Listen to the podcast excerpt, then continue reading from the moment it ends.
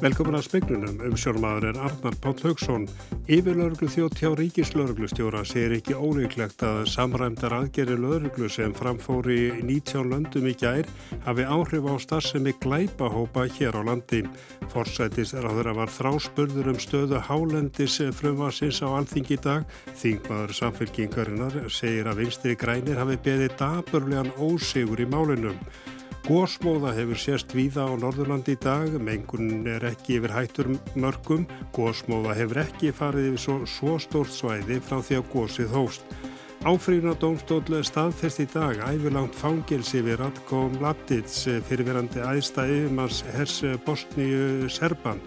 Neitindarsamtökin áalla að Vassveiturlandsins hafi ofrökkað viðskiptavinni sína miljardakróna frá því að ný lögum Vassveitur tóku gildi árið 2016 og nú er ljóst að þriði áfangi ramma áætlunar verður ekki afgreitur fyrir þinglokk. Um 800 glæpamenn voru handteknir í gæri þar af 155 í Svíðþjóði umfangsmestu lauruglaða ger sem ráðist hefur verið í á sviði dull kóðara glæpan. Laurugliður vel hér á landi teljað aðgerinnar eigi eftir að hafa áhrif á glæpahópa hér en þeir eru um, er um 15 talsins. Samkvæmt tilkynningu Europol voru yfir 8 tonn af kókaini, 2 tonn af amfetamíni og metamfetamíni, 22 tonn af kannabis og yfir 48 miljónir bandaríkjadala gerð upptæk í 700 húsleitum síðustu daga. Karl Steinar Valsson, yfir lauruglu þjóttn hjá Ríkislauruglustjóra, býst við að aðgerðin muni meðal annars hafa áhrif á sölu fíknefna hér á landi. Ég held að þess þetta eingripp sem er svona ofalega í, í hérna, þetta er allast, svona með þeim allra sterkustu og staðistu hópunum að þá er nú ekki dólíklegt að það fyrir á sko möguleika á, á vestlun með fíknefni til dæmis. Aðgerðin er talinn hafa veitt skipulagðir í glæpastar sem um heimsbyðina alla þungt högg. Ég held að þetta muni hafa áhrif á, á öll lönd sem eru í, í hérna, sérstökum aðgjörnum út af skipulagður brotastar og þar á meðal hér. Þetta var Karl Steinar Valsson að Katrín Maríja Dímonen tók saman. Þingmenni stjórnarnastöðunar þrá spurðu forsætistráþur á alþingi dag hvort enn væri stemt að því að afgreða frumvarp umhverfisráþur um hálendis þjóðgarð á yfirstandandi þingi.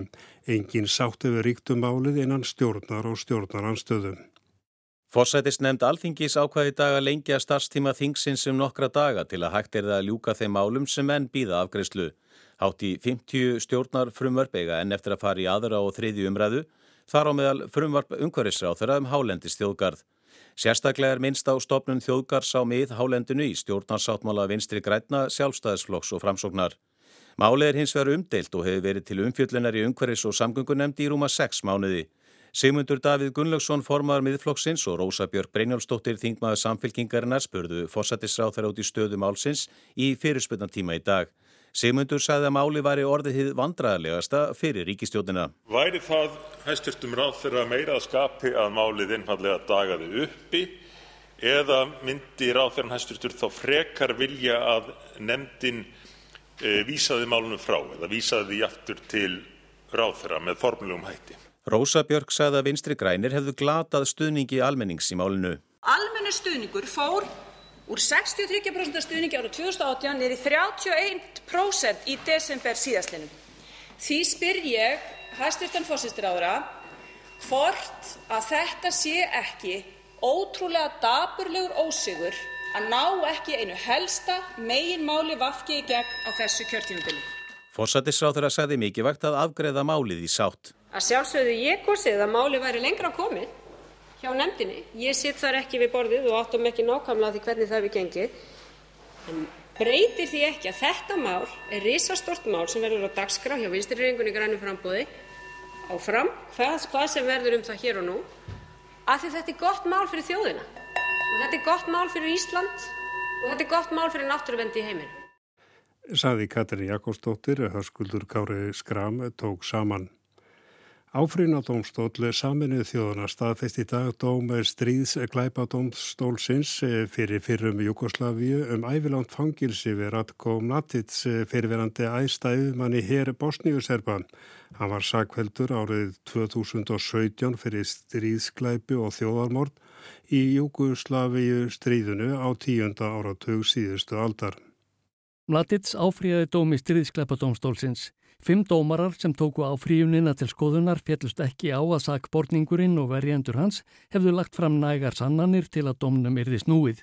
Þá var heldur ekki fallist á kröfu sækjenda um að dæma Mladits fyrir fleiri sakargiftir en gert var upphaflega.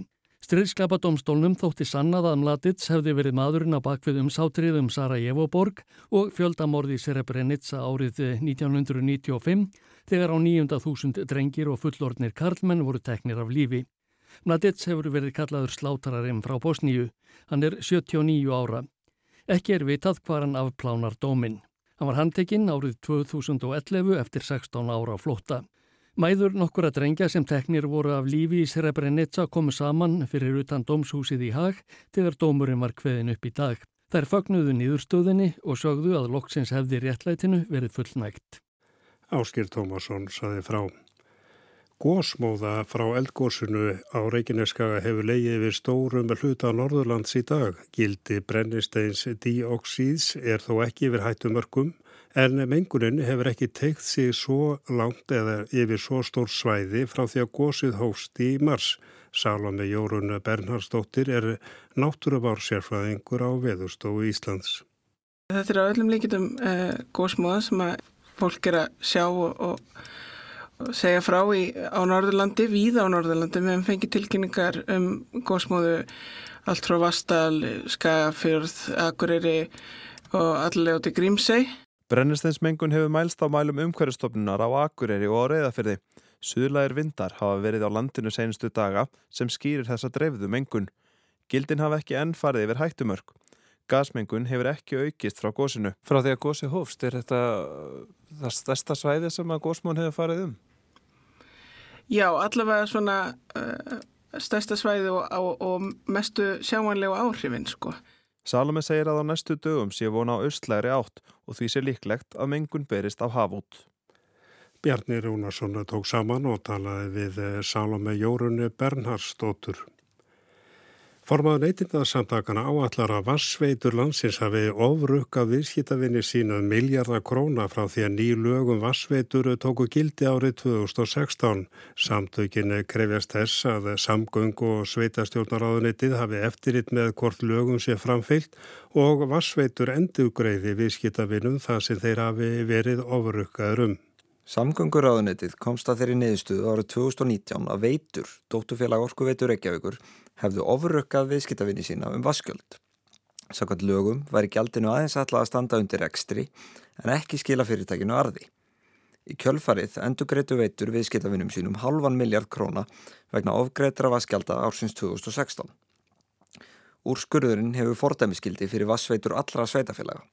Það var þó ekki fyrir í síðustu veku sem ráðanetti gaf útleiðbenningar um hvernig vassveitur skildu ákvara gjaldið með hliðsjón af úrskurðunum. Því teljum við að, að allavega veitur í Reykjavík hafi átekið gjald sem nema ja, miljörðum jafnvel og ef, ef, að, ef að farið er inn og, og, uh, ásreitingar vassveitu og fráveitunar eru, eru skoðaði þá maður leiða líkur að því að þetta sé jafnvel á annan 20 miljardar króna. Segir Breki Karlsson, formaður neytindasamtakana. Þrátt fyrir að veitur hafi endur greitt viðskiptavinum ofröku göld ársins 2016 segist Breki ekki hafa neinar fórsöndur til að ætla að bætt hafi verið úr því síðan. Því hafa neytindasamtökin sendt erindi til ráðunetisins þar sem fariði fram á að gerði verið úttækt á gjaldtöku allra vassveitna landsins allt aftur til ásins 2014 eða eins langt og fyrningarfrestur nær. Alexander Kristjánsson saði frá.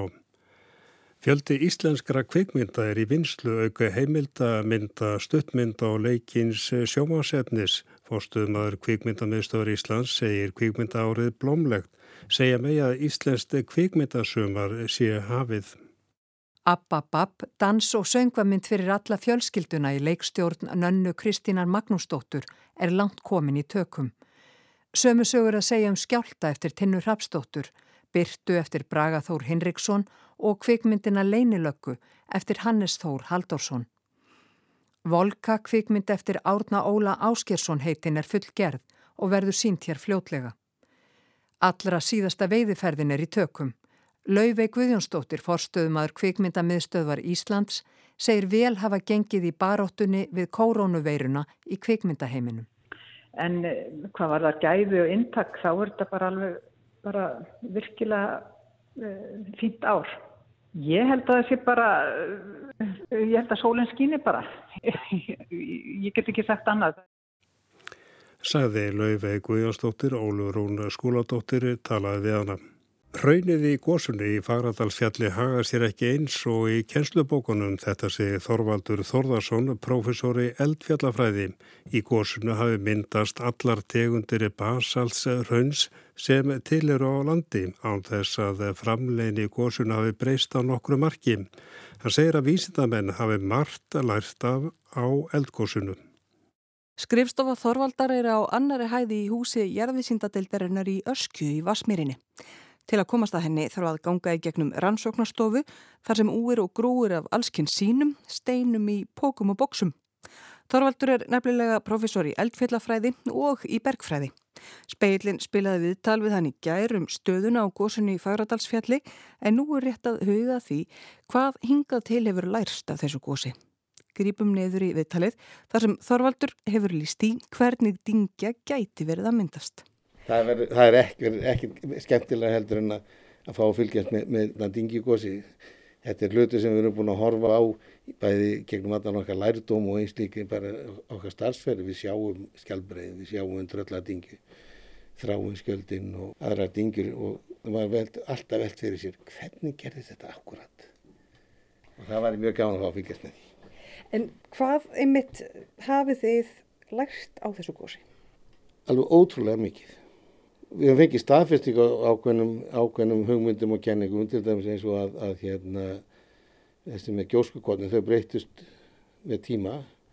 Ytrabyrðið þeirra var, var eh, raun og veru meira svona eins og glerjungur þegar að kvikustrókuðinu var sem upplugust og eh, en í upphafi þá var, hún, var það miklu mattara yfirborð og, og, og ekki eins vel skilgreint fyrir mörgum árum þá setti ég fram þá hugmyndum að na, svona glerjað yfirborð á þessum gjóskukottum, svona góðsum, svona góðsum, að það mynduðist vegna þess að heitt gasið streymdi svo rætt í kringum konin, þau brettu ítrafbyrðið og það er ákveð það sem við gerum. Þannig að ég fekk staðfyrstu á því allavega. Þannig að það er nú eitt, eitt af því svona skemmtilega. En það sem kannski komanni mest á, hefur komið mér mest á óvart í þessu gósi Það er eiginlega tveir þættir. Það er ef, ef maður hugsa um þess að framleginni í þessu gósi, hún er nokkuð búin að vera nokkuð jafn allan tíman. Það er smá variasjónur í henni, þetta er ekki, ekki stóra breytingar sem það hafa verið. En samt erum við að sjá, sem þetta er fyrsta lagi, mjög mjög breytingar í hegðum gósins í gígvirkninni. Við byrjum með svona freka veikum gasbólum sem voru að bresta þegar komum við og settu slettur hinga og þanga og eitthvað svona pínulitlega kannski kvikustrókum. Svo fórum við yfir í stöðu að kvikustrókavirkni hann um tíma. Svo fórum við yfir í svona meira púlsavirkni þar sem að, þetta kom svona í finum og þá fengum við mjög há og öfluga kvikustróka. Svo núna erum við komin í, í slettu finnuna sem er bara sletta út um alla trissum. En framleginn hefur ekkert breyst. Þannig að sko, framleginn hefur ekkert að gera með alla þessar breytingar heldur, það er einhver innri virkni. Það er, það er, hvernig ástandi er akkurat í efst í gígópinu og, og hvernig það þróast með tíma sem er verið að stjórna öllu þarna í gígópinu. Þannig að þessi sagt, hugsanlega geymir þarna undir eitthvað, svipað eins og í, í þrínhuga gígum. En lögun á honum og starðin á honum og hvernig nópin á honum eru til sikkur endan að verið ráða í lollu um hvernig góðsinn hafa sér þarna í gígnum. En svo komum við að hrauninu, það er hinþátturinn. Og hraunið, því er alveg saman hvað er að gera þetta í gígnum. Það skiptir engum alveg. Ég bara held bara mínu hérna, ferðarlagi áfram og svo lappar það bara yfir landslæðið. Við erum búin að búa til líka allar tegundir að basalt hraunu sem til eru á landi í þessu gósi á þess að breyta framleginu gósinu. Þú ert hissa á þessu? Já, ef þú lest kennslubækur þá er það fyrsta sem við séum, apalhraun, þau myndast þegar að framlegin er há og hraun rennar hratt. Og hellur hraun, þau myndast þegar að framlegin er lítil og svona heildar framra hraunsins er fyrir ekkar hæg. Þetta góð segir, það skiptir yngum máli. Ég ætla samt sem ára að búa til hellurhraun og apalhraun og klumparhraun og, og uppbrotið hellurhraun og, og bara allar þessar tegum sem við getum nefnt. Skelljarhraun og veit ekki hvað. Og þetta er, er, er tóttið magna og þetta er náttúrulega kannski hlutu sem að, að ég verða að viðkjöna að þetta er pínlít ánægi efni fyrir mig. Þannig að ég er búin að, ganga með þetta tóttið í maganum í ansið mörg ár út frá þeirri vinnu sem ég er búin að vinna á, í rannsókum á hraunum, ekki bara hér í Íslandi heldur líka ellendis eins og Hawaii og, og annar stað. Og það er það að það sem skiptir mestu máli fyrir hvers konar hraun færð er hitabúskapur flutniskerfisins. Hvort að flutniskerfi sé opna hraunrásir eða, eða lokaður og þetta góðs er að sína okkur allt þetta. Að sem sagt, um leið og þú opnar hraunrásina þá tapar hraunni svo miklum hita þá ferðu abalhraun, þá ferðu seg, þessar segari, stífari hraungerðir. Ef það er lokað flutniskerfi þá er það líka vel einangrað vegna þess að hraun er mjög góður, mjög góð einangrun sem það er ekki auðvelt að koma hitanum í gegnum hraunið, storknar hraun þar að segja. Og þegar við loka flutniskerfi þá kemur bara þunnfljótandi kvika út úr endanum að því og hún bara heldur röldinu áfram yfir landslæðins og ekkert sjó og lengi bara flutniskerfið. Þannig erum við að tala sko, um, um hitatap, munurinn sem þetta á hitatapinu, það er svona opna hraunrás og lokaða. Þannig að lokaði þá þetta að tapa um minnin ein, einni gráðu á kílómetr og í sumu tilfellum minnin einn tíund á gráðu á kílómetr. Og ef þú hugsa þetta er mikið langa vegla sem það er að fara hraunni þarna, kannski einhverjir tveir kílómetri eitthvað sluðis, þá er raun og veru hraungvikan úr lokuðu hérna, lokaflutniskerfinu, það, það er næstu jafn heitt og það var þegar það kom upp. En ef þú hugsaður um opnu flutniskerfin eða opnu hraunrásina sem sér glóandur hún að koma niður, þá erum við að tafa á bylunu 100 til 300 gráður á kílómetr. Það munar miklu en við heldum samt meira upp á þær því að þær eru svo fallegar. já, já, og líka að maður sér þær. En svo sér maður stundum, sko, með, svo ég haldi nú hérna heiðri lokara hraunrása uppi, þá sér, hefur maður stundum það sem við kalla skylight það sem er svona opið þær þá getur maður séð niður í þar og þá sér maður hversu hratt raunkvikan flæðir um þar það við sáum eitt svona um, um daginn upp í meradölum og þar bara streymdi raunni fram á stríðum ströymi sko. Hvaða spurningar hafa vaknað? Úf, alltaf margar uh, Þesski fyrsta spurningi sem, að, sem hún, hún er ennþá sem sagt, raun og veru ósvarað og, og hérna er náttúrulega mjög mikilvægt að reyna svarinni en, en akkur er komið upp og akkur er komið upp eins og, eins og það gerði og með svona lítilli framleginni þetta, þetta lag bara út og það er ennþá lega út miða við, sagt, ef við horfum bara á fyrri góðas þessu góðs erum við að tala um framleginni hún er svona mæli hverða hversu hratt kvikan kemur upp og hversu mikið magna er að koma upp á, á tímeiningu.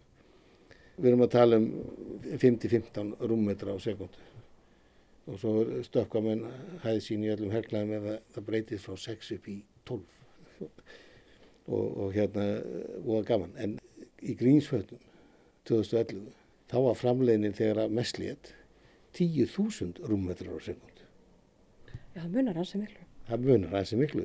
Eyjafjallajökli 2010 þar hérna fór framleginin eða var að meðal nokkur hundru rúmmetrar á sekundu í, í 2014-15 góðsinn í hólurhreinin, þar fór framleginin þegar mest letið við 560 rúmetra sekundu.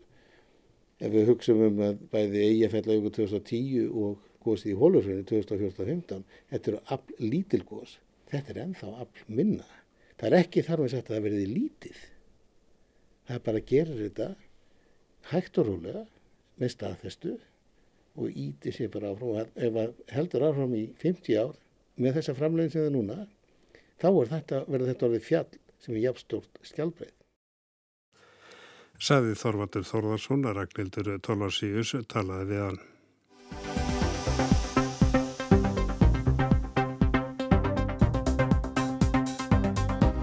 Þriðji áfangi rammáallunar verður ekki afgreitur fyrir þinglokk. Þingsálutunar til lag um hann hefur þrísvarsinu verið lög fram á alþingi frá því að umhverfisáðra fekk rammáallun í hendur fyrir rúmum fjórum árum. Ég mæli hér fyrir tillögu til þingsálutunar um áallunum vernd og orkunýtingu landsveða. Samkvæmt þriðju grein laga nr. 48.2011 um verndar og orkunýtingar áallun eða rammáallun eins og hún er nefnd í daglegu tali skal eigi sjaldnar en á fjögur ára fresti leggja fram á alþingi tillögu til þingsalögtunar um áallinu vönd og orkunýtinga landsveða. Virðulegi fórseti, Ég mæli hér fyrir tillögu til þingsalautunar um áallun um vend og, og orkunýtingu landsvæða. Samkvæmt þriðju grein laga nr. 48 frá 2011 um vendar og orkunýtingar áallun eða rammaáallun eins og hún er kölluð í daglegu tali skal eigi sjaldnar en á fjögur ára fresti leggja fram á alþingi tillögu til þingsáleitunar um áallun um vend og orkunýtingu landsvæða. Ég mæli hér fyrir tillögu til þingsáleitunar um áallun um vend og orkunýtingu landsvæða. Samkvæmt 3. grein laga nr. 48 frá 2011 um verndar- og orkunýtingaráætlun eða rammaáætlun eins og hún er nefnd í daglegu tali skal leggja fram á Alþingi tillögu til þingsályktunar um áætlun um vernd og orkunýtingu landsvæða. Í áætluninni skal, í samræmi við markmið fyrrnefndra laga, lagt mat á verndar- og orkunýtingargildi landsvæða og efnahagsleg, umhverfisleg og samfélagsleg áhrif nýtingar, þar með talið verndunar. Þarna heyrðum við í þremur umhverfisráðurum sem eiga það sameigilegt að hafa mælt fyrir þingsályftunartillu um vernd og orkuneytingu landsvæða eða þriðja áfanga rammáætlunar. Sigrún Magnúsdóttir, þáverandi umhverfisráðura, lagði þriðja áfangan fram með 2016 eða í kjölfarið af því að hún fekk hann í hendur. Hún réttnaði að mæla fyrir honum því skömmu setna var bóða til kostningan. Svipið örlög örðu þegar Björn Ólarsdóttir umhverfisráður lagði máli fram að vorið 2017. Stjórnin sprakk og end var til kostningan. Guðmundur Ingi Guðbrandsson umhverfisráður lagði þriði áfangan fram á þessu þingi og mælti fyrir honum í janúar. Og þingjun er að ljúka og nú er ljóst að þriði áfangi rámávættunar nær ekki fram að ganga, segir Vilhjálmur Árnarsson framsögum aðmálsins í umhverfis og samgöngu nefnd alþingis. Já, ég tel það að, að það sé nokkuð ljóst að það hefur ekki gefist tími til þess að vinna þessu mál þar sem hefur senkt fram komin og því hefur ekki getað farið í þá vinnu sem þarf til þess að klára svona stóru og mikilvæg mál því miður. En nú hefur þetta mál áður komin og alþingi hefði ekki verið hægt að já, flýta bara umfjöldunum þessi mál?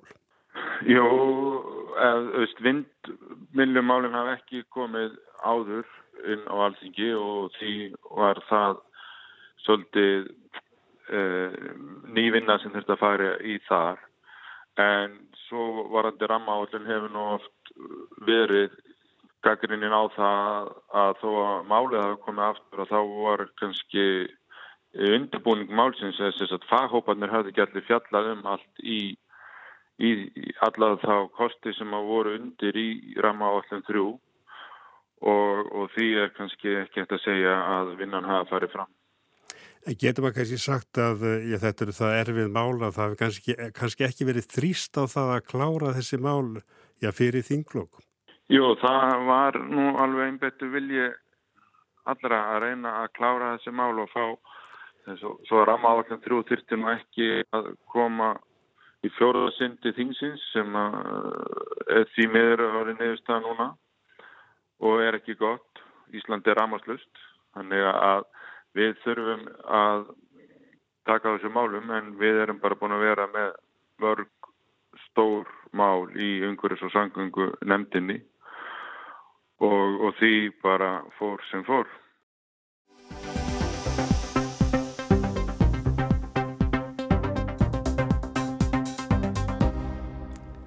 Skattareglur sem gera stórfyrirtækjum kleift að færa hagnaði í skattaskjól hafa lengi verið þyrnir í augum með baróttu fólks fyrir réttlátari sköttum.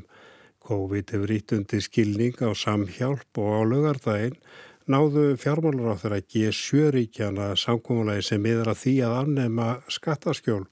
Rótæk fyrir ætlunu þó það eigi enn eftir að koma í ljós hvað mun nákvæmlega felast í þessum nýju reglum. Alþjóðleg fyrirtæki hafi ekki þurft að gera neitt ólöglegt til að koma því svo fyrir að mestur hluti skattskildra tekna lendi einmitt í skattaskjólum þar sem eru lágir eða engi skattar. Baráttu fólk fyrir sangjarnari skattreglum hefur lengi talað fyrir ærlega döfum eirum stjórnmálamanna sem bera ábyrðina á að reglurnar eru eins og þær eru. En ekki lengur. Veirufaraldurinn hefur breytt afstöðu ráðamanna. Perhaps most notably this weekend, G7 economies came together to agree the post-pandemic world must be fairer, especially with regard to international taxation. Eins og Janet Yellen, fjármálaráþara bandaríkjana, sæði í ávarpið þá tóku fjármálaráþarar G7 landana afdrifaríka ákvörðun nú um helgina. Heimurinn eftir heimsfaraldurinn ætti að vera réttlátari en áður ekki síst varðandi alþjóðlega sköttun.